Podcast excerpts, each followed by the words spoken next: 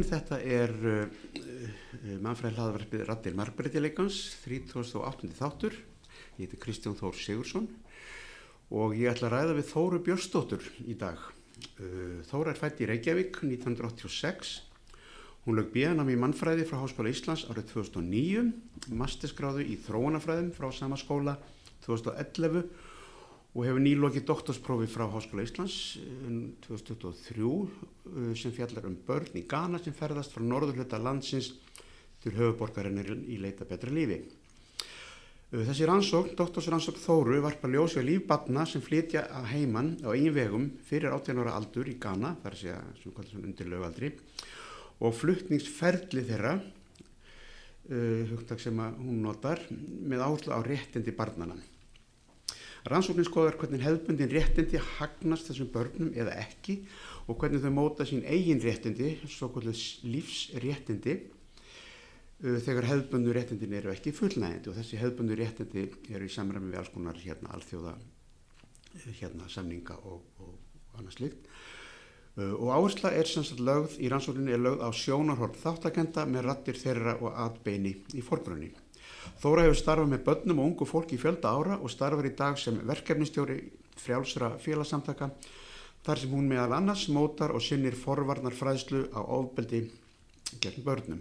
Hún hefur einnig starfað sem aðstofa kennari og leiðbennandi við Háskóla Íslands, verið sérkennslustjóri á leikskólanum Holti sem á verkefnastjóri Erasmus Plus verkefnis sem snýst um andlega heilsufólks. Í dag starfar Þóra sem verkefnistjóri innlendra verkefna hjá Barna Heil eða Save the Children in Iceland.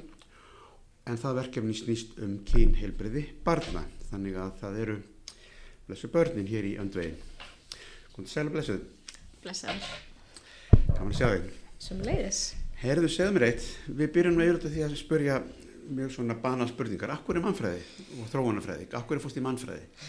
Já, góð spurning. Ég hérna er búin að hugsa þetta mikið. Þetta er svona eitt af þessum random hlutum sem að verða einhvern veginn í lífumanns. Ég ætlaði nefnilega ekkert að fara í mannfræði. um, ég sá alltaf bara þegar ég var í mentaskóla fyrir mér að fara í sálfræði eða lögfræði jafnvel, það var svona efst í huganum. Og svo held ég að sé að ég tók einn áfanga í mentaskóla sem var kendur af mannfræðingi og þar kviknaði áhugi minn á mannfræði og ég var á sama tíma búin að hugsa mér að fara eitthvað erlendis í sjálfbóðastarf ætlaði að fara til Indlands. Og hérna og dreif mér að skrá mér í námið áður en ég myndi fara. Og svo einhvern veginn var ég komin hérna neyra á skrifstofu og var eitthvað að pæli þessu og einhvern veginn bara ákvaða að fara í mannfræði bara á staðnum eiginlega.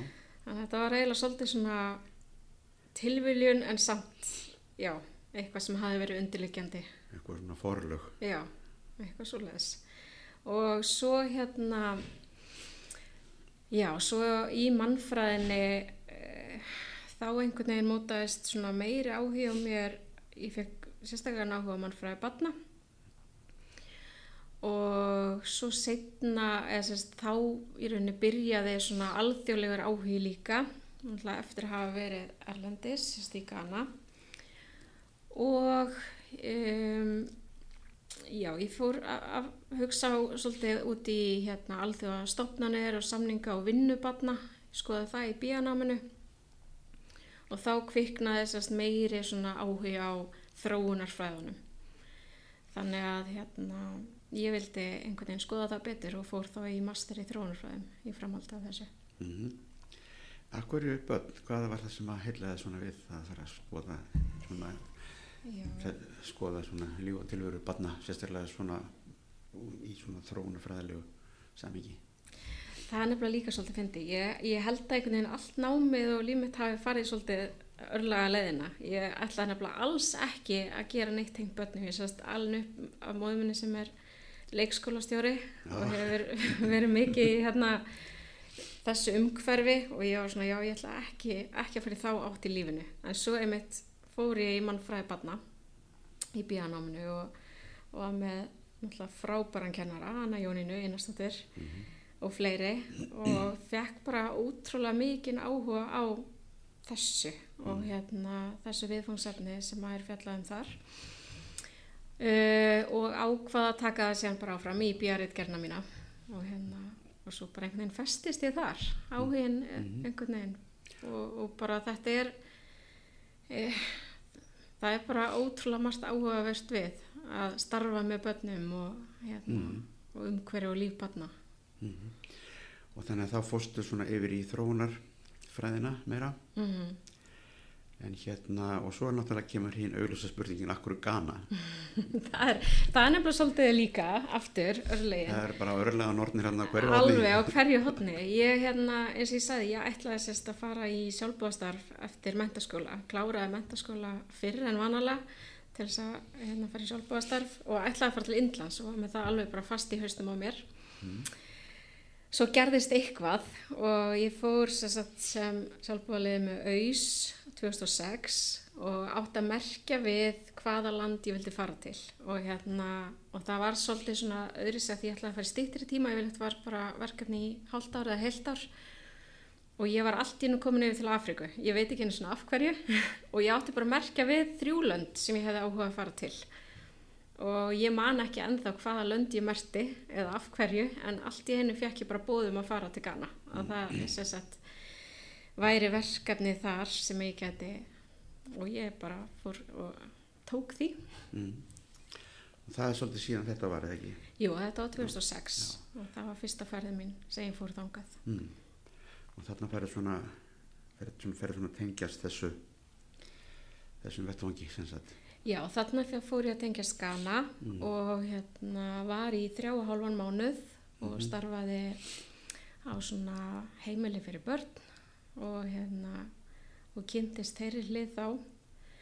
Uh, og var náttúrulega bara alveg fjall fyrir landinu og, og hérna menningunni og fólkinu og öllu og mér leið bara eins og ég væri heima hjá mér. Mm. og hérna svo þegar ég kom heim til Íslands þá einhvern veginn var bara hluti á mér eftir. Mm. þannig að ég fór að fara aftur og aftur og hef farið nánast á hverju ári síðan þá. Mm og hérna svo bara einhvern veginn heldu örlegin áfram. Ég ætlaði eh, í, í hérna mastersverkefninu mínu að fara eitthvað allt annað og skoða, eða þú veist ég ætlaði að fara til Afríku og einhvers nýs Afríkulands að gera mastersverkefni mitt og hérna fór náttúrulega á Google og leitaði og leitaði og kom mér í samband hér og þar tengt sérst ég skrifaði mastersritgerði um þáttöku barna. Og svo komst ég bara að því að það voru bara alveg ótrúlega mörg verkefni í Ghana Mm. um sem snýrist að þáttöku barna. Þannig ég endaði þar aftur og hef einhvern veginn endað þar aftur og aftur síðan og bara fest þar þetta er svona orðið okkar náttúrulega bara heimaland annað heimaland. Mm. þannig já, er svona axlast þetta. Já, akkurat. En segðu mér síðan eh, hérna ef við fyrum aðeins að snúa okkur þessari doktorsverkefni mm. sem náttúrulega allt þetta hitt var náttúrulega bara svona einhver undirbúningur fyrir. Já, já, það er eitt sem að hérna þegar ég fór að sk- skoða þetta sem sagt ég var nú ekki á vörnin en ég sá hana aftur á móti aðeins setna bara á netinu og hérna það sem að látti svona eiginlega mestan áhuga hjá mér fyrir náttúrulega utan bara líka þessi, hlusa hluti sem þú ert að fjalla um það er þessi vettvangur sko þessi ve- aðferðfræðin sem sagt, þessi að vera að að vera að, að nú veit ég ekki hvort þú varst að að eldast við þessa krakka en að vera að gera rannsókn með sagt svona ungum krökkum sagt undir átjónar er ekki flest? Jú, sem sagt hluti af þáttökandum voru einstaklingar sem höfðu til dæla nýflutta heimann mm. og voru þá undir 18 ára og svo voru um, líka hluti sem voru fullorðnir sem fluttu þegar þeir voru börn. já, já, Um, en jú, ég var vissulega Mm. að eldast við marga af þeim já. í gegnum þetta tímabil. og var ekki, svolítið, erfitt að svona henda reyður á bara hvað þið voru og, og, og vantarlega hefur þurft að byggja svona svolítið svona tröst Mm. Á millið þín og þeirra til þess að bara yfir höfðu að hafa aðgang að þeim Já, alveg algjörlega. Það er hérna, um, ég var með fólk sem aðstöði mig og ég hafði náttúrulega þessi tengsl við landið uh, hafði verið þarna oft áður sem hjálpaði mér mikið mm. og svo eru börnum mín hálf ganísk og þau eru sérst, þeirra fjölskylda er frá þessu svæði þar sem þessi þáttakendur koma Þannig fyrir norðan. Va, já, norð, hérna, austurlutan Mm. þannig að allt þetta hjálpaði til að styrkja einmitt þetta tröst og tengslin Mhm. um, og svo náttúrulega var það ég náttúrulega vissi í rauninni ekkert þegar ég fór fyrst að ég myndi ná eða hvort ég myndi yfir höfu ná að hitta einhverja svona oft eða ekki Mm. og það kom alveg upp að hérna ég hafði kannski bara heyrt af einhverjum sem var farin eða rakst óvart á einhvern nokkrum árum setna og svoleiðis þetta var oft bara svona alveg tilvílinu kjent en, en aftur með þessari aðstof þá náttúrulega fekk ég líka um, voru einhver sem þekktu einhverju og gáttu hringt og, Mm. og alls konar þannig að Mm. við einhvern veginn, ég náði, ég náði það var þarna ákveðin hópur sem ég náði að hitta mjög oft Mm. yfir þetta langa tímabil og aðri, aðri, aðra sem ég hitti kannski bara einu sinni Mhm. Þannig að þetta hefur verið svona, sem að setja svo í svona multi-sited rannsókn, sem sagt, þú hefur verið þarna, þú varst náttúrulega mikið nýri Akra, er það ekki? Jú, ég var að mestu leiti þar, langmest, en svo einmitt fylgdi ég eftir þegar ég heyrði að einhver hafi flutt tilbaka eða farið tilbaka. Mm Þá fór ég sem sagt norður og, og leitaði uppi Mm. og fann, fann einhverja -hmm. Og svona fór að spyrjast fyrir af hverju, eða hvernig lífið væri núna og, og svo les. En svo náttúrulega byrjaði rannsóknin líka svo sem á öðrum nótum. Ég hef til dæmis talað við fóreldra fyrir norðan sem að hérna, var hugmynd á tímabili að Já. hafa með. Já, Þannig að já, sem sagt ég um, aðalega, var aðalega í Akra og svo hluta þarna norðaustu hlutanum. segðu mér hérna bolga það, hvað, hvað er þetta stór, stór, stór bær? Bolga. Já, Ah, ég veit ekki alveg, það er alveg, hún er alveg frekar stór. er alveg, og ég var ekki bara í, sagt, Bolgatanga borginni, Nei. heldur fór ég, ég eldi þau í sveitina líka í kring, Já, þannig að bara þar sem ég heyrði þau, heyrði að þau væri í rauninni, Mm. þar mætti ég, já, en hérna, en þetta er alveg, já, ég veit ekki alveg, ég er ekki alveg með tölun úr hennu, nei, nei, nei, bara, ekki, bara ég man það ekki alveg. nei, nei, en þetta er kannski svipað, svipað svona eins og kannski eins og tamalegu, Já, þetta er, þetta er svipað, aðeins minni en tamali. já, Mhm. já, hérna, en hérna, þetta, þú varst þarna á, yfir þessa rannsókn hérna hvað, á 2013 til 17, Mhm. að mestu leiti, Já, og varstu uh, allan tíman þarna í, eða komstu heim í millitíðin eða? ég kom tilbaka, þetta er sérst fjögur, fjórar ferðir á vettfang Mm og hérna lengst var ég í sjö mánuði einu. -hmm. Um, ég ætlaði að vera allan tíman en svo hérna bara gerist ímislegt í lífinu. Jú, jú, Uh, ég byrjaði þarna 2013 í svona pilotverkefni Mhm. sumari 2013 þar sem ég á svona um, uh, að innblýna á að tala við stofnanir og samtök eins og, eins og UNICEF og við ráðuneyti og alls konar aðila sem að um, gætu haft eitthvað um þetta að segja þá var ég svona aðeins meira að, að hugsa um mannsalsvinkilinn á þessu mm. uh, verkefni en hérna snýri mér svo bara í aðra átt 2015 og hérna vildi bara einblýna á rattir þeirra sem að tóku þátt Mm. og hvernig þau voru að upplifa sínar aðstæður og bara aðstæður batna sem flytja og svo leis. Já, mér finnst þetta, finnst þetta svolítið áhugaverður og svona mannfræðilegu vingill líka að hérna að hérna festast ekki í þessum þessum hérna komur að segja svona þessum klísjukendu hugmyndum um að, að börn sem að er þessu stöðu séu full- fyrst og fremst bara fórnálömb og, Mm. og í mannsæli og hættu að þetta séu líka einstaklinga með vilja og, og sjálfsvald og, og, Já. hérna, og, og hafi svona eitthvað að segja um sitt líf Algjörlega og ég náttúrulega bara komst að því þarna 2013 því ég byrjaði að það var bara eiginlega engin áhuga á þessum hóp, sérst af börni sem flytja. Það var áhuga á þessum hugtökum, mannsali og þá krökkum sem búa á mannsalsvæðunum uh, eða starfa uh, á þeim svæðum.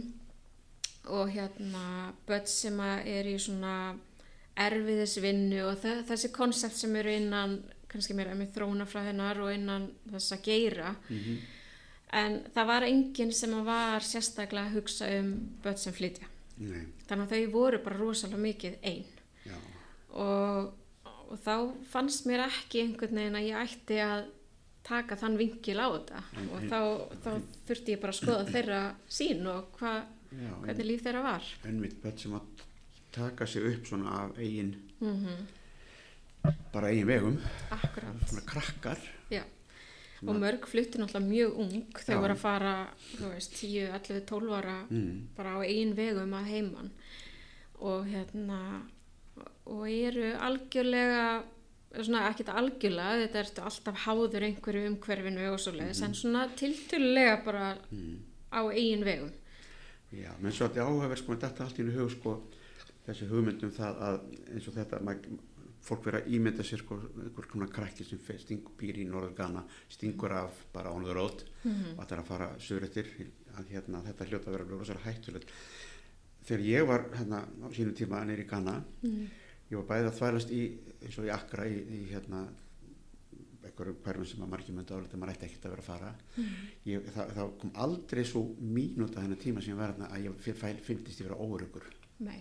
aldrei, mér finnst ég alltaf mér finnst ég, aldrei stöð, stöðið neinn ógn frá umhverfinu á neitt nátt, Mhm. alveg sem að hver ég var Mm. það var alltaf fólk eh, tilbúið að að hérna stiða við mann, eða hvernig sem var sko aftur á móti að fara nýri bæ hérna í Reykjavík sko, á þessum Mhm. tími það er bara bóstulega hættulegt einmitt já, þannig já. að, þannig að ég hugsa margir ímyndi sér bara þegar maður þeir fara að er að hugsa, vit, heyra af svona hlutum af því að einhvers veginn er í Afríku ykkur Mhm. krakkar að það er þetta að vera rosalega hættulegt ég held að sé geti jafnvel verið miklu hættulega að fælast um Evrópu í dag sem krakki einn.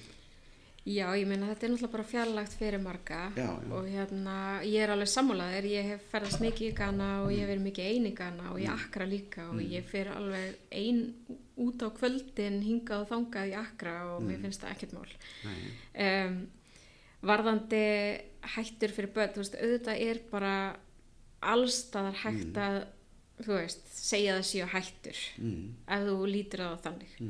Mm, En það er líka fullt af tækifærum og það er líka fullt af möguleikum fyrir þá sem þurfa á því að halda. mm, Og það má ekki gleyma því að, hérna, að eins og þessi börn, þau kannski hefðu bara búið við eins og þau töluðu um sjálf, bara Mm. miklu erfiðari aðstæður heima ef þau hefðu ekki farið neitt, nákvæmlega heldur en á því að flytja. Mm. Og, og aftur, þótt að séu hættur allstaðar og sum náttúrulega lendi í mjög erfiðum hlutum og allt það, en Mm. þú veist, við vitum náttúrulega aldrei hvað hefði gerst að þau hefðu verið heima. nei, nei, Þannig að það má ekki heldur einhvern veginn bara ákveða að það að, að flytja sé bara að fara að stopna þeir í hættu. nei, nei. Það er heimurinn er eins og hann er en það er, Mm. en þetta er svona mitt að þetta er ákveðin svona staðalmyndir um Mm. sko þú veist, eins og Afríku það sé alltaf eitthvað stríð og alltaf eitthvað ofbetalvesin sko þannig að þetta hérna, er ekki endilega þannig Nei. en það er hugtak sem þú notar í sambandi við eða svona pælingar sem þú ert að nota í sambandi við þetta þess að krakka sko, minnst þetta er svo áhugavert þetta er náttúrulega það sem, sem þessi krakkar þurfa að hafa náttúrulega, þau þurfa að hafa þau þurfa að hafa hugreiki Mm. þetta eru krak, hugreiki krakkar Mm sem að átaka þessa á, bara afdrifur ykkur ákvörðin að stinga af að heiman -hmm. og er að fara í langt ferðalag og veit ekki hvað, er, hvað býður þeirra sko Mm. þetta krefst náttúrulega sko hugreikis og svona útsjónasemis og, og það sem við kallum svona agency sem er, er þetta þýð á íslensku. Já, Atbeini, ég hef er- orðið sjálfsvald. Já, já, það er eins og verið eitthvað sjálfsvald sett. Mm að geta gert eitthvað sem að maður sjálfur. Og það skiptir ekki máli þetta en hérna þannig að þetta hérna að þetta hérna og það minnst þetta nefnilega skemmtilegt við þess að þegar ég var að lesa þetta sko að hérna að, að hafa áherstuna á þessu. Mm að þó við sem að tala um kollum svona, svona ólögráða börn. -hmm. að þau hafa sína skoðanir, þau hafa sín vilja og hafa ákveðin skoðanir um það hvernig þau vilja lifa sín lífi. Og hérna á meðan að sko öll ofinbera orðina gengur út á það að það er náttúrulega vernda þau sem er náttúrulega vissulega bara gott mál. Þau eiga verið vernd foreldra eða aðstandenda og fram að við sem aldrei bara lagalega þannig að þau eru svona að brjóta af sér í raun og líka Mm. ef maður miða við það hversu mikið sem að fólki í borgata er að pæli því en hérna einhverjum vestrænum svona lögum Mm. það er sennilega búin að nóa því í gegnum á Einmitt. en hérna þetta finnst mér svona svolítið svona fascinerandi við, við, við þetta hérna við þetta þessa, þessa, þessa sögu, þetta sagt Já, það að gefa það. þeim þetta, þetta að gefa þeim þetta Já, það er það, sko, uh, svo allir gerir sér grein fyrir, eða þú veist, ég, fólk kannski gerir sér ekki grein fyrir, nema þeir sem hafa ferðast þarna, þetta er rosa langt ferðalag mm. og hérna, ég hef verið allt upp í átján klukkutíma í rútu þarna á Mm, milli, mm. þetta er, um, getur verið erfitt, sérstaklega einmitt þeir sem að stinga af Mm. og þeir aðilar fóru oft bara á einhverjum svona kargóbílum eða einhverjum svoleið, sátu aftan á hérna með geitunum eða Mm. þú veist Mm. dýrónum sem var verið að flytja mellir staða og gera það 10, 11, 12 ára. Þú þarft einmitt, Mm. þú þarft að hafa eitthvað í þér og þú þarft að vera svolítið svona já, hugrökkur til að, eða hugrökk til að gera það.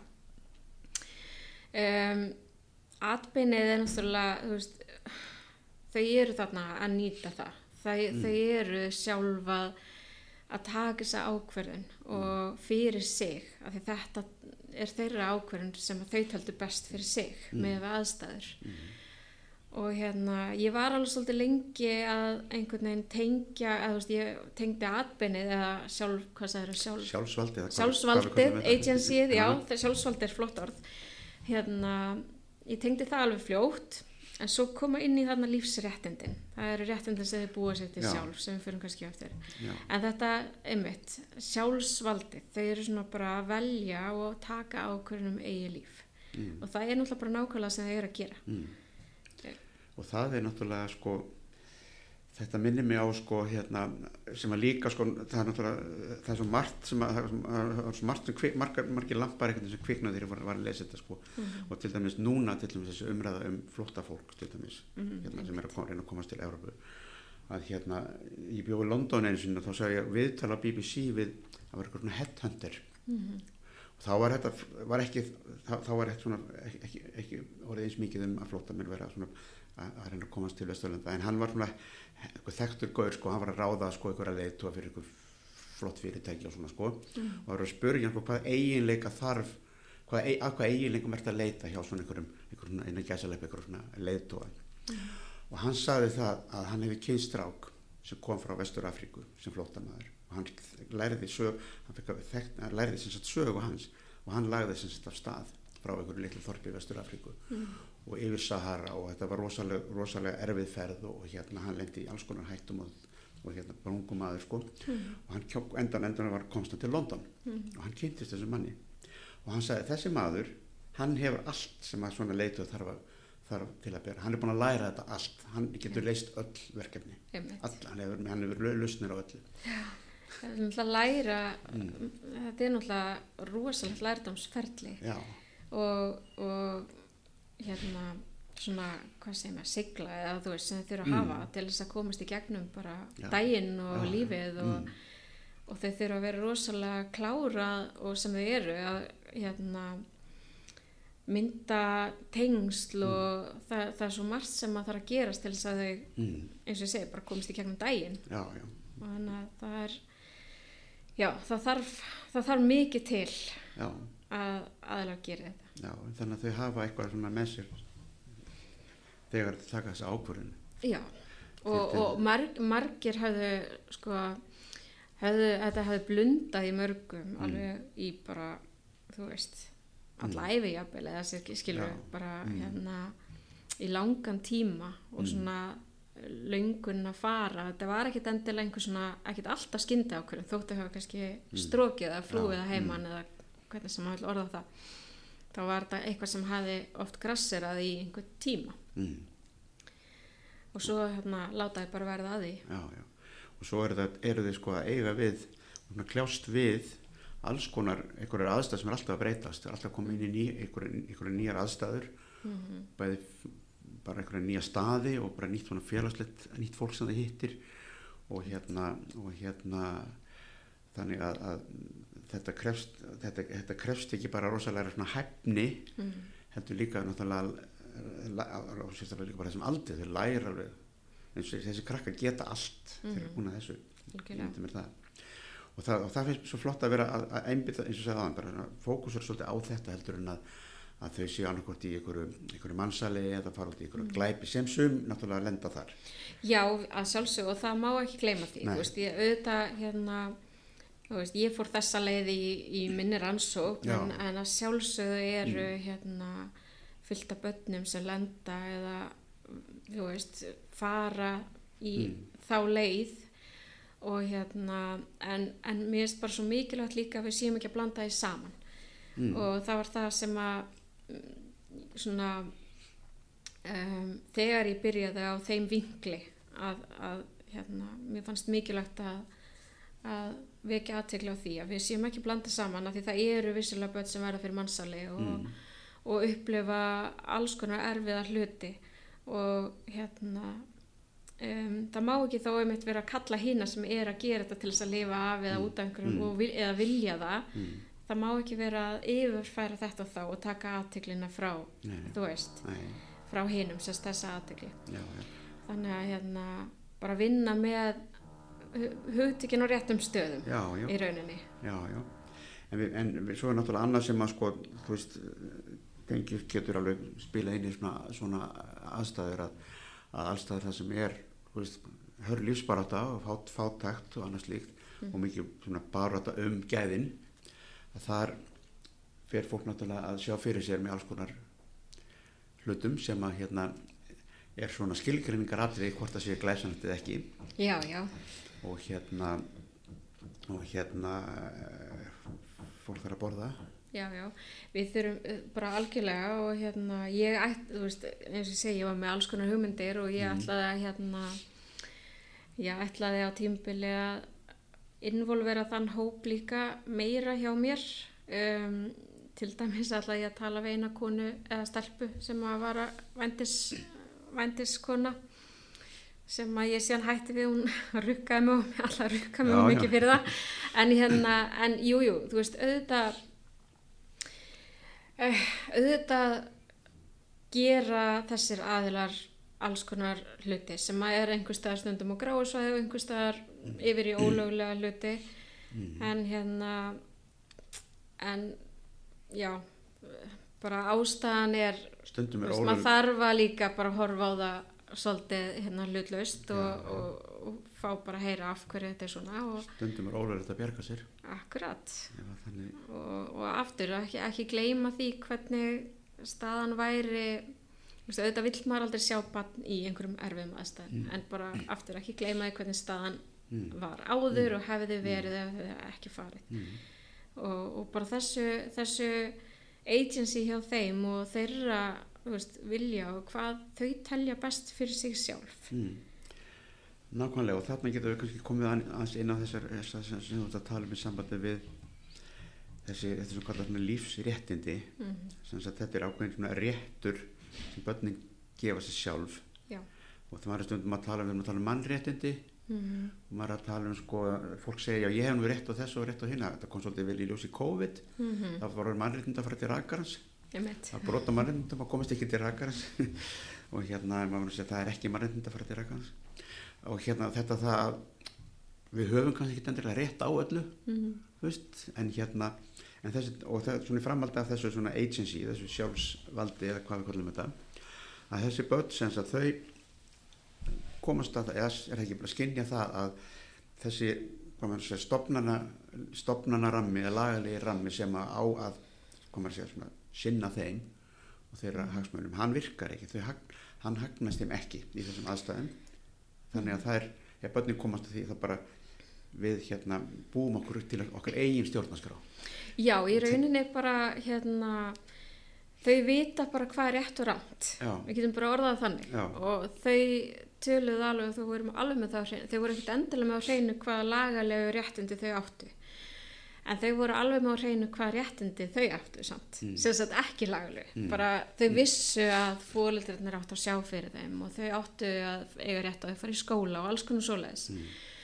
sem að eru vissulega lagalega réttindi líka þótt þau hafa kannski ekki alveg verið að setja undir þann hatt um, og að þeirra mati var þetta bara eitt af þeirra réttindum Mm. að flytja heiman og búa til betra líf fyrir sig Mhm. af því að öðrum réttindum var ekki sint Mm. þar sem við byggum fyrir hvort sem það var út af hérna, fjölskyldu aðstæðum eða veist, það voru alls konar skýringar ástæði fyrir því að þau fluttu þannig að hérna, um, ástæðina voru já, eins og ég segi, bara alls konar og um, en þetta fannst þeim bara þeirra eigin réttindi Mm. fá að flytja og og þetta var náttúrulega alls konar útgáður af þeim eða sem sagt af þessum, þau, voru þau sjálf í því svona einhvern veginn að formulera Já, að því að hver og einn aðli náttúrulega átti sína sögu og, sín, og þeirra saga var sko mjög ólík mm. og þau uppliðu fluttingsferlið og lífið fyrir og lífið eftir með mjög ólíkum og bara sínum einstaklingsbundna hætti. Þannig að lífsréttindin þeirra voru auðvitað í grunninn þau að fá að flytja Mm. en hérna en þau gerðu það með sínum hætti Mm. þannig að hérna um, já, þau, þau þetta, þetta er allt svona einstaklings bara mjög einstaklingsbundið Mm. hvernig líf þeirra og aðstæður og eftirflutning og Mm. lífsréttindi og allt hvernig þau upplöðu þetta Mhm. sum voru meira meðvitið um hefðbundnu réttin sín heldur en öðru, önnur Mhm. og bara réttindi yfir höfuð og einsvarðandi lífsréttindi bara hérna það var mjög mis, mis, misjant hvernig þau töluðu um sín réttindi sem voru alveg bara að hörða á því já við eigum rétt á þessu og ég veit sko alveg hvað ég má og hvað ég má ekki Mm. á meðan önnur kannski orðið það öðru í sig Já, þannig að en, en í grunninn er niðurstaðan svo sama að Mm. þau töldu sig eiga rétt á því að flytja heiman af því að aðstæður heima mm. Voru þannig að Mm.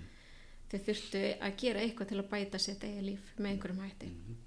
En segjum við þarna í Akra, þessi krakka sem þú varst að kynntist þar, sem að koma þarna að norðan, var ekki, þau hafa ekkert myndað svona eitthvað lítið samfélag þar, Jú, jú, svona í hópa. jú. Eh, mjög ábyrrandi og þau tala um þetta sem svona bolga compounds Já. eða frafra people eða Mhm. eitthvað þannig og hérna og það er alveg, alveg svæði í Akra sem eru hérna eru frafra eða bolga fólkið og hérna er þú veist hinnir frá einhverjum öðrum norður héröðum eða uh, samfélögum. Eða, eða, eða mögulega eitthvað svona aðeins blöndun á eins og tamalega bolga er, það er ekki droslega langt þar á milli. Nei. en hérna en jú alveg klártmál að, að hérna, þau grúpa sér svolítið saman. Og margir eða nokkri sem tóku þátt það var að fyrsta sem þau gerði að byrja að leita að mm. hvar fólkið er sem að er frá þeirra Mm. héraði eða þaðan sem þau koma Mm. Þannig þau eru svona stutt hvert annað. Þau stiða hvort annað já og þau náttúrulega hérna, tala sama tungumál, mm. náttúrulega annað tungumál heldur en er talað í, eða þú veist, enska er náttúrulega ofinbært tungumál já. en það er náttúrulega fjölda tungumála í Ghana. Jú, jú. Þannig að þau svona um, um, upplifa sig kannski meira heima með Já, því að vera mm. í svona hópum Mm. og svo hjálpaði hver, hver öðru og það er stór þáttur í því að svona um, koma sér áfram og einhvern veginn komast í gegnum daginn og veginn Mm. eftir flutning er að mynda þessi tengsl, félagslegu tengsl og, og þau töluðu mjög mörgum að hérna að það, það, það skiptir svo miklu máli því þau hjálpa hvort öðru þannig að ef að kannski einhver gæti ekki fengið neina vinnu í daginn og engan pening þá mm. fenguðu mat hjá Mm. vinnum sínum sem koma mitt frá sipu og þau skilja aðstæðunar Mm. og, og fatta alveg hvað hvernig það er einhvern veginn Mm. en, en á móti kemur að sundtölu líka um svona stigma eða svona, já stigma fyrir uh, þeir sem búa í Akra eða eru Mm. frá Akra eða Mm. frá söður hér að það sé svolítið svona ekki beint, eða, svona ákveðnum fordómar Mm. fyrir þeim sem koma að norðan Já, þetta fannst mér líka, það var ég líka varfið þegar ég var já, En hérna, þetta er náttúrulega bara þetta er rosalega ólíkt í rauninni um, það er margt ólíkt með norður og söður Ghana og hérna um, ólík saga ólík saga það eru trú, trúabröðin eru Mm. þú veist það eru fleiri Mm. uh, Ísla, eða múslimar fyrir norðan og kristnir fyrir sunnan Mm. landi er þurrara fyrir norðan og þetta er svona pína eins og, eins og þú veist að koma bara í Já, annar land í rauninni. þetta er annar heimur.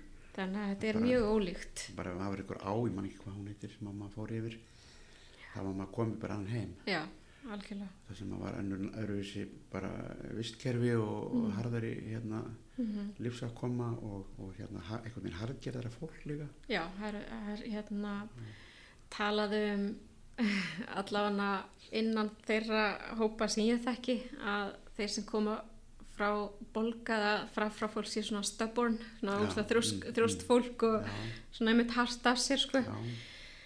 En hérna, já, og þetta er náttúrulega sko já er, þetta er svona stjettbundin fordóma líka sko það er miklu meiri velmegun í söðurinu ríkara svæði og náttúrulega mm og hérna businessin er alltaf þar og peningarnir og mm þetta er einhverjir eins og Íslandinga myndi segja einhverjir afdala bændur.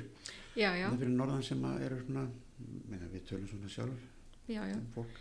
En, en svo auðvitað má ekki gleyma því að það kemur alltaf fullt af flottu fólki og hérna Já, og auðvitað hérna uh, hafa þau verið með fórstætta frá norður, norður Ghana núna og það, en þú veist, það er, það er breyting en vissulega, þú veist, mm.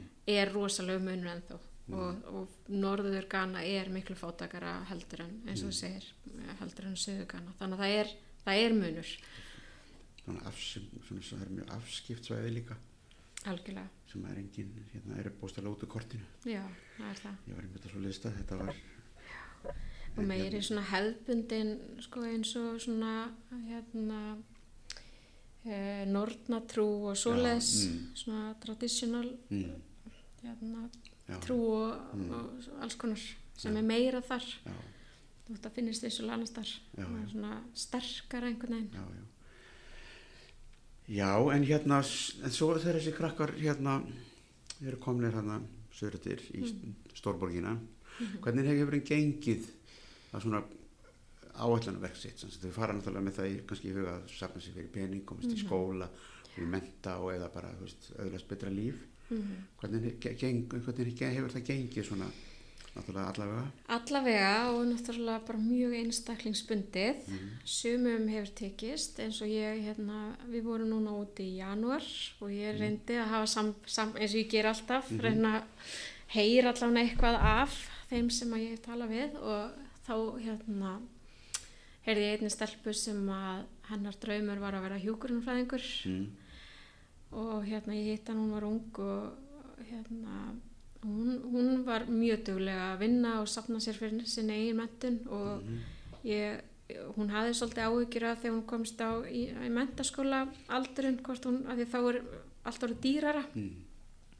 en hún allavega var búin að ná að halda áfram Mm. þannig að það var bara flott og hún á þeirri braut sem hún ætlaði sér en svo eru aðrir sem að hafa ekki náð þangað og alls konar, alls konar hlutir Mm. komið upp og hérna ein stelpa sem ég hitti mjög reglulega í gegnum öll árin, öll tíumbilin hún hérna uh, til dæmis fyrst þegar ég hitt hana var alveg útrúlega mikill metnaður í henni og hún ætlaði sér að vera hárgríslukona og, og hérna var að vinna og, og að læra og alls konar og svo var hún ólétt og ári, ári setna, eða sérst ári, næsta árs þegar ég kom til Ghana þá hérna hafði hún fætt e, stúlku og þurfti að hætta í náminu og fara að vinna og bassfæðarinnar hérna flúði í burtu eða fór til Líbíu að leita að starfi og veist það er alls konar sem kemur upp og svo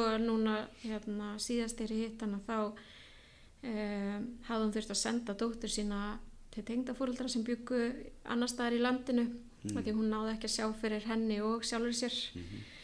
svona til þess að hún geti mögulega átt einhvern sem að klára það sem hún ætlaði að gera. Og hérna já þannig að það voru alls konar alls konar sögur og bæði jákvæðar og ja, svona erfiðar og, og góðar og þau áttu náttúrulega bara sín tímabil og ég tala einmitt tölvört um það þetta er náttúrulega bara tilfinningalega tilfinningalega rússipanni sem þau gangi í gegnum eins og maður þekki bara í lífinu, þú veist, jú. lífið bara gerist allstaðar. jú, jú, Einn hérna hafði lendið því að um, vera, það var ráðist á hann og hann var stungin okkur sinnum og þurfti að vera í mánuð á spítala. Og hérna forðaðist mig mjög þegar ég mitt rakst á hann af tilviljun og hérna svo hitti ég hann einmitt aftur á tilviljun daginn eftir og þá kom hann og sagði mér hvað það hefði kerst þannig að það voru alls konar sögur. Og svo frétti ég af einum sem hefði flutt tilbaka sem ætlaði aldrei, hann var eini sem var svona harður á því að ætlaði aldrei að flytja tilbaka. Ég ætla einmitt að, að tala við um það hérna, hvort að einhverju sem að einmitt fóru til aftur snýr við. Já, sko um, á meðan ég gerði rannsóknina þá var voru tveir sem hafði farið tilbaka einn sem hafði farið í skóla í Tamale þannig að hún fór ekki allaleg tilbaka en svona næstu því. Og hérna og svo einmitt þarna þessi sem að var harðastur á því að ætla sko aldrei að fara aftur. Hann var hérna fullorðin þegar ég talaði við hann af þessu ekki bann en hérna búin að búa í Akra í mörg ár og átti mjög erfitt samband hann við fjölskylduna sína. Hann sérst flutti ekki af efnahagslegum ástæðum. Hann var einn af fáum sem átti bara mjög efnaða fóreldra mm en, en svona erfið samskipti á heimilinu og, hérna, og flúði að heimin út af því. Hafði lent í alls konar meðal annars að pappi, pappan sérna reyndi að senda einhverja menn til Akra og ná í hann og gerð, tókst það einu sinni og skipuði hann að fara aftur tilbaka og hann held nú ekki og stakk aftur af og alls konar þegar hann var yngri en þessi sem sagt endaði að fá vinnu fyrir norðan síðan sem hann held að hann myndi aldrei gera mm.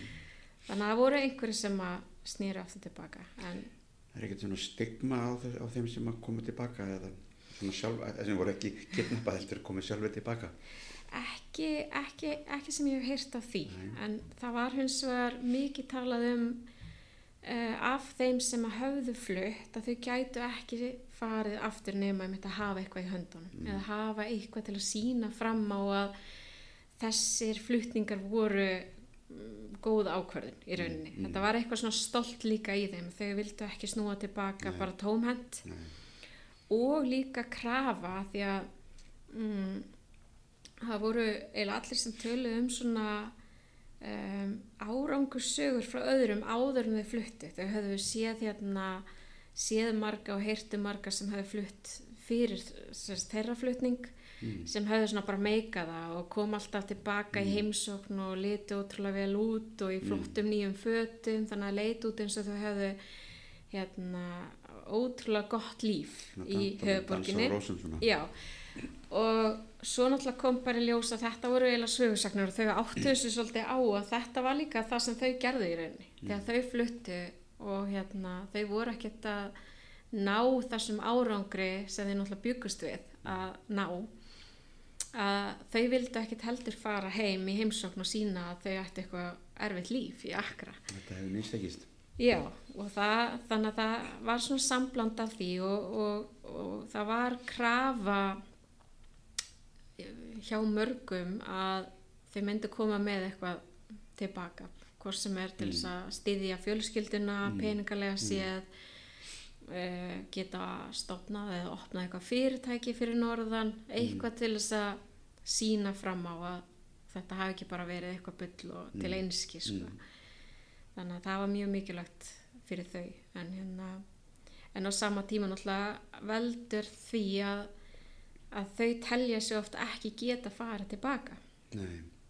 og það er það sem margir lenda í að þau, þau, þeim finnst þau ekki geta snúið aftur tilbaka þóttu myndu kannski alveg vilja það Mm. en, en þetta, þetta vekur upp svona flóknar tilfinningar Já. Það þarf, og þú ert að koma tilbaka á réttum fórsendum. Já, þeir eru komið einmitt og, og að hafa eitthvað í höndunum. Mm. Þau get ekki bara farið tilbaka í sömu erfiði aðstæður og þau voru í fyrir. Nei.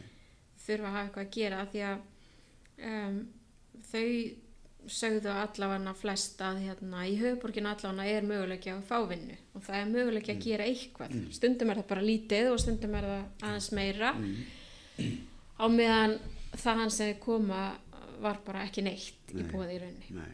og hérna sérstaklega þeir sem voru ekki búin að menta sína einu eða um, uh, höfðu einhvern veginn, já, engan bakurinn þannig að þá var bara ekkert í bóði í rauninni, bara miklu, miklu færi tækifæri. Þannig að þau festast svona pínu eða pínu, mikið, þau festast bara í höfuborginu rauninni. Mann þetta er náttúrulega í hug við þetta allt saman hérna þetta, þetta hérna, þessi frasi hérna að vera svona streetwise. Mm. ég veit ekki, ég ætla að segja ekki til neitt íslenskt yfir það. Og það er náttúrulega sem að þessi börn verða. Mm og það er, þú ert að tala svolítið um það sko að við vorum að tala á þannig sambandi við sko þessar hefbundu hugmyndir um það að þetta veru, þú veist, þetta um mannsal, glæpi og þessi börn væri bara á glapstegum sko að þið færu -hmm. hefði ekkert um það að segja sjálf sem er náttúrulega eins og þín ranns og sín er, er ekki alveg rétt Mhm. að hérna þetta, þetta, og þetta hugta götubönn já, sem eru allstæðar í heiminum bönn sem Mhm. eru bara eru verkang út á götu mm og þú segir það sko að því þú ert náttúrulega að mikilvægast að svona, svona nálgunum sem þú ert með er náttúrulega það að að hérna notar þeirra rattir mm. bara hvað, hvað er þeir að segja um þetta hvað og svo framvegis. Að hérna að þau hafna þessu hugtaki. Seg, eftir því sem segja, þau segja við erum ekki götubönn heldur eru við farandfólk Já, þau voru ekkit að skilgreina sig sem einhver göttubötn eða einhver hérna og bara aldrei heyrði ég það frá þeim eða og þau voru ekki til í það. Þau voru bara mjög stolt af því að vera frá Bolga og frafra og þessist ætlokkurinn sem þau komum frá. Já. og, og skilgreindu sig þannig. Ekki sem göttubötn eða einhverja hérna eh, einhver krakka sem hafðu lendi í einhverju erfiðu, þú veist, þóttu hafi vissulega mörg lendi í alls konar en þau voru mjög svona, já, s- stolt af því hvaðan þau komu og hver þau voru og þau voru um eitt farald krakkar sem flytja Já, já. en ekki hérna einhver gödubönd. þú segir hérna sko að, sko götubönn eru skilgrein sem börn sem búa við hætt, hættulegar aðstæður einhverjum í borgum án leiðsagnar og verndar fullorðina Mm -hmm.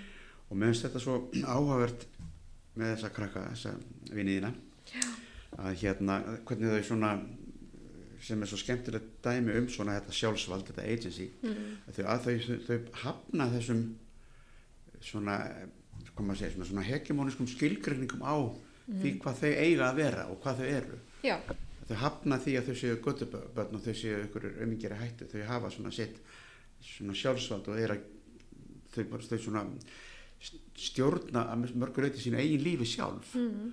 Og hérna og þau gefa sér hennan lífsrétt sem er eitthvað högtak sem að að mannendalagfræðingar hafa ekki mikið lært um í skóla. Mm akkurat. þannig að þetta, þetta finnst mér svo fascinerandi hvernig þessi krakkar svona, þau svona skapa sér bara sín eigin, sín eigin forsendur einhvern veginn Já, algjörlega og hvernig þau vilja bara að aðri líti á sig. já, Bæði það og hvernig þau upplifa mm, sína veröld og sitt líf. Mm. Mm. Veist, þeim, finnst þau um þetta ekki vera bara einhverjur umingjans, þú veist, krakkar sem búa á götunni Nei. og vilja ekki fá þann stimpil á sig. Nei.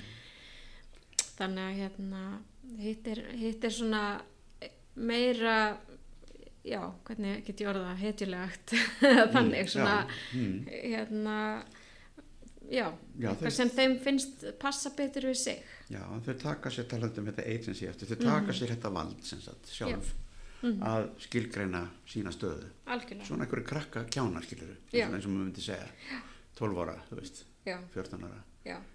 Hérna, þannig að þetta er og þetta er náttúrulega sko þetta sem það sýnir manni kannski líka sko, með manneskjuna sko þegar hún, alveg sama hvort hún er við við erum ung eða þegar fólk lendir í ákveðnum aðstæðum Mhm.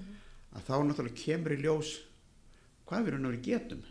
Algjörlega og ég held að bara allir þekki það, sama úr hvað umhverfi að þú lendir í einhverju, þú þarfst bara einhvern veginn að reyna að vinna úr því, mm, þú þarfst bara að vinna úr því sem þú hefur. Já, og krakkar gera það náttúrulega bara líka. Mm, og eru mjög klár. Já, það er ekkert þýðir ekkert að sérst ekki nógu strítsmart eða nógu klára að að sérst krakki sko, eða úlingur mm, Eh, þau retta sér líka eins aðrir og eru bara mjög góðið í því. Mm, þannig að hérna en mér finnst einmitt hérna alltaf gott kvot, það var einn sem sagði bara eh, ef ég voru á íslensku bara ég, ég veit ekki hver réttindin mín eru en ég veit hvað er rétt og rámt fyrir mig. Já, og það lýsir þessu bara svo ótrúlega vel í grunninn. Já, það er nú áttaviti. Já, það er það já, og hérna og, og heldur utan um einhvern veginn öll þessi mm, öll þessi hugtök Mm. og allt þetta konsept. sem að allt þetta snýst um Já, algjörlega. hvað er rétt og hvað er ránt Já, Öll- því, já, ég meina þau eiga þessi réttindi, Já. þau eiga þannig og Ghana er sko mjög framalega með mörg Afrikulönd Mm. að skrifa undir alla mögulega sáttmála og samþyktir sem snúa réttundum barna mm. Og, og hefur verið það frá upphafi, náttúrulega bara fyrsta land sunna Sahara til þess að fá sjálfstæði Mm. og fyrsta land, eitt fyrsta landi til þess að skrifa undir barnasáttmála saminuð þjóðana og er með sko mjög flotta hérna, skrá lista yfir Mm. sáttmála, hef, þessi hefðbundnu réttindi Mhm. og eru með hérna uh, sérstak svona Children's Act undir uh, stjórnaskráni og þú veist, þau eru bara með þetta allt á pappirum, Mhm. algjörlega Mhm. en hérna en á sama tíma eru þau ekki endilega alltaf þeim er ekkert framfyllt eða, það er nú víða já Þannig. og þau eru einmitt að upplega þetta þessi Já. krakkar heima Já. og, og víða það, hérna, og þá bara búa þau til sín eigin já þetta er eitthvað svo, þessi saga sko, þetta er eitthvað svo flott svona testament sko fyrir mm. ymmið þetta þetta hérna sagt, hvað við getum verið þegar, við, réttar aðstæður bjóða sem er oft erfiðar aðstæður. Mm og, hérna, og hvernig þegar allt gengur, í, gengur mjög vel að þá einhvern veginn þá, þá, þá dognar þetta einhvern veginn. Já, já, einmitt. En segðu mér hérna sumt af þessum að því hefur þú kynst einhverjum hérna eða sagt, eitthvað, af þessum krökkum sem þú kynnti sem sagt þeir voru kannski svona úlingar mm hefur eitthvað, hefur eitthvað verið kynst þeim svona þegar sagt, er hann fullorðin í dag? Hvernig þetta, hvernig þetta gekk allt saman? Sagt á kannski lengri tíma?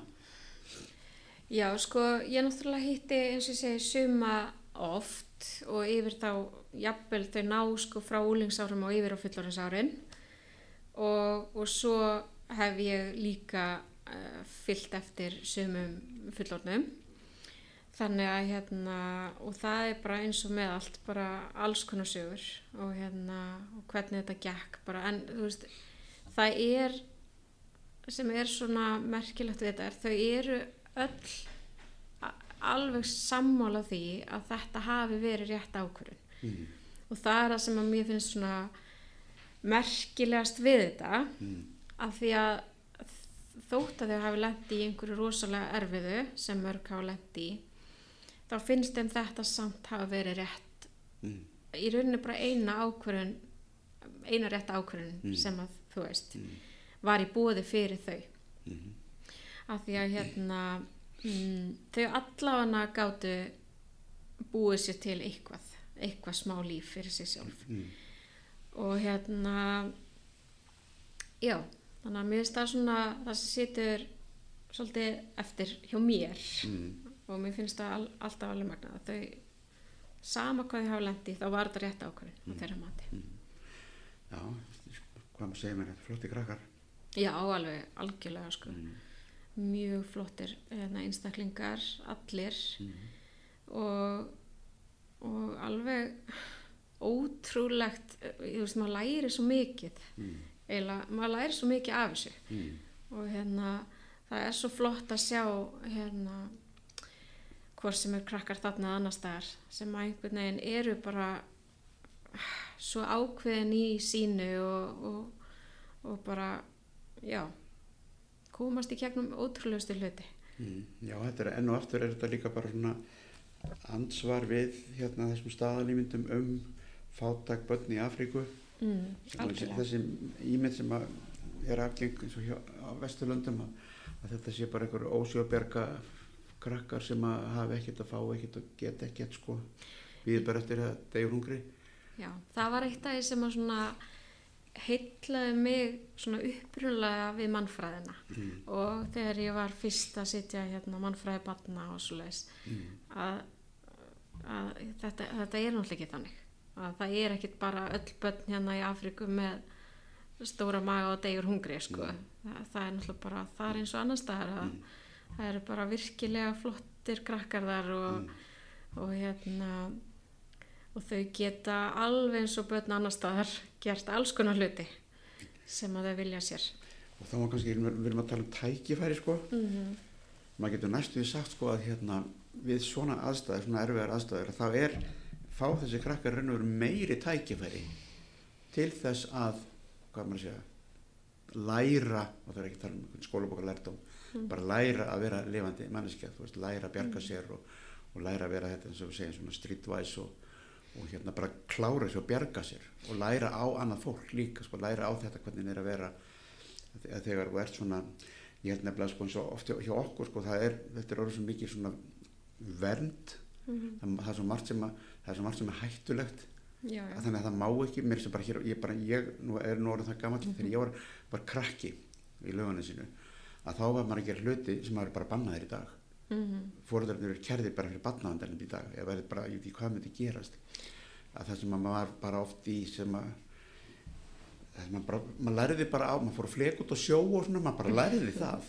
Já, en þú veist þetta, þetta, þessi, þessi, þessi krakka sem þú ert að fjalla um og, hérna þeirra reynsla sko, þetta ferðalag þetta er náttúrulega ferðalag Mhm. að þetta er náttúrulega ábúrslega tækifæri til þess að vaksa sem manneskja Já, þetta er náttúrulega bara skóli lífsins Já. líka og hérna og þau eins og ég sagði í byrjun þau þurfa náttúrulega þarna strax ótrúlega ung allt nýri, já 10, 11, 12 ára að bara redda sér mm.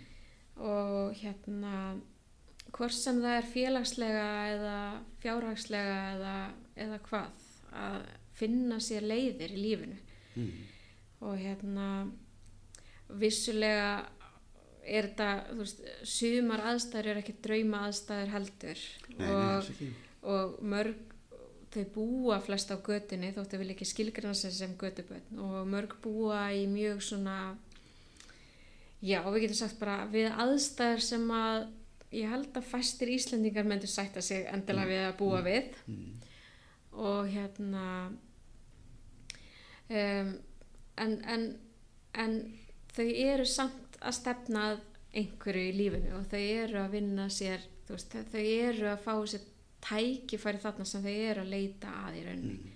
Og um, sum til dæmis gátu ekki farið í skóla fyrir norðan. Það var mjög mörg börn sem fóru þessast fluttu til þess að um, geta borga sína eigin mentun Mhm.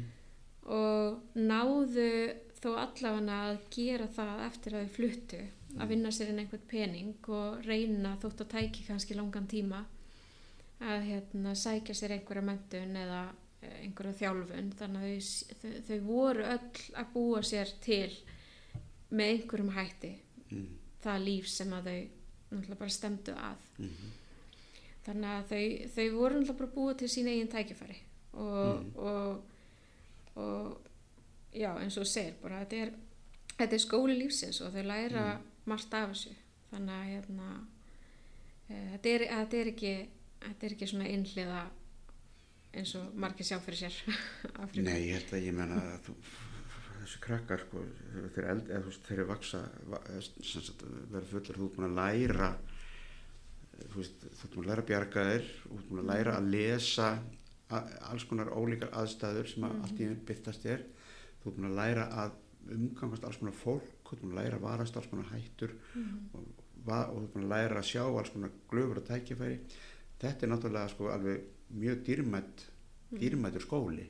Já það er það þó svo að kannski efnislega umgerði sér kannski allavega bas, absolutt basl og, og svona fátækt og, og hvað sem er sko en, en hérna en hérna þetta er og hérna en það eru krakkarnir á því sjálf já, já. og það er náttúrulega sem skiptir í Já, þessu samingi já. þessari rannsók þau líta ekki á sig skiptir- sem ykkur aumingja sko. Nei, einmitt, það er það sem að stóð upp úr þarna, að þau mm. líta á sig sem sjálfstæða og Mhm. hérna, hæfa einstaklinga til að taka ákvörnum eigið líf. Það er eiginlega ekki hægt að byggja meira. Nei, nákvæmlega. En þú ert ekkert að, hvernig er með þig? Þú ert ekkert, ert ekkert að þú heldur að munir ekkert um að flytja þig að hana uh, Það er góð spurning. Það var náttúrulega einu sinni alltaf planið Mm. og hérna mér langaði að búa Erlendis en hérna ég veit ekki hvort ég myndi endilega velja að búa þar núna. Nei. kannski bara einhver staðar annar staðar en vissulega er Ghana alltaf hluti af okkar og mínu lífi. Þannig að við munum alltaf einhvern veginn fara þangað hvort sem er í stuttan eða langan tíma. Við hérna stefnum aðeins í aðra átt núna í haust Mm. í, í smá tíma allavega. Mhm. ætlum að fara til Asju Ok. þannig að en Ghana, já, við fengum að fara fórum þangað í janúar í einn mánuð og hérna fjölskyldan. Mhm. upplifa og krakkarnir mínir að strákarnir að mér finnst líka bara mikilvægt að þeir haldi tengslum við landið sitt og svona. Eitt þetta fyrir þessi svolítið svona sem Ghana frá Hver- Ghana, strákbönnin já, algjörlega, já. þeir náttúrulega eru halver Já, Ghana búar og hérna þeir hafa verið að flakkast svona með mér og mm. vettvang og alls konar og sem hefur líka með hjálpað og, og styrt tengsl við þáttakandur Mm það er hérna sérstaklega eldri strákurinn minn kom, kom stundum með þegar hann var bara pínu lítill Mm. þannig að við erum ég ætla bara að við, það er hjart okkar og, og líf líka sko, Mm. það sem gerist í Ghana. Þannig að börnin þín hafa tekið svolítið þátt í þessari rannsókn? Já, algjörlega, þeir eiga stóran hluta í þessu. Og hérna eins og ég segi, ég mörgaði sem tengslum mm. urðu sterkari af því að Mm. þeir voru með á staðnum. Og þeir hafa kynst þessum krökkum? Já, náttúrulega þeir voru svo litlir að þeir muni Já, ekki eftir í núna nei. í dag sko en hérna, en já, já, þeir fengu að vera þarna með og það var, það var mjög gott að hafa þá með. Það er gott, heyrðu, börn, börn eru besta fólkið Já, þau eru alveg indisleg og hérna, ég ætla ekki að segja að þau eru framtíðina því að ég, það var eitthvað sem að masters, krakkarnir í mastersvarjarkanum mínu skömmuðist út í, þau eru nútíðin líka og framtíðin, mm. Þannig að þau eru bara, e, þau mikilvægustu, mm. það vil ég meina. besta fólkið Já, algjörlega. Heyrðu, hérna, Þóra Já. Þetta er búið að vera skemmtilegt Já, og hérna ímislegt sem að maður geti svo spjallað um áfram mm en hérna, við býðum bara með það þannig til næst já, og bara kæra þakkir já, takk þetta. fyrir. og bara áfram krakkar Áfram krakkar.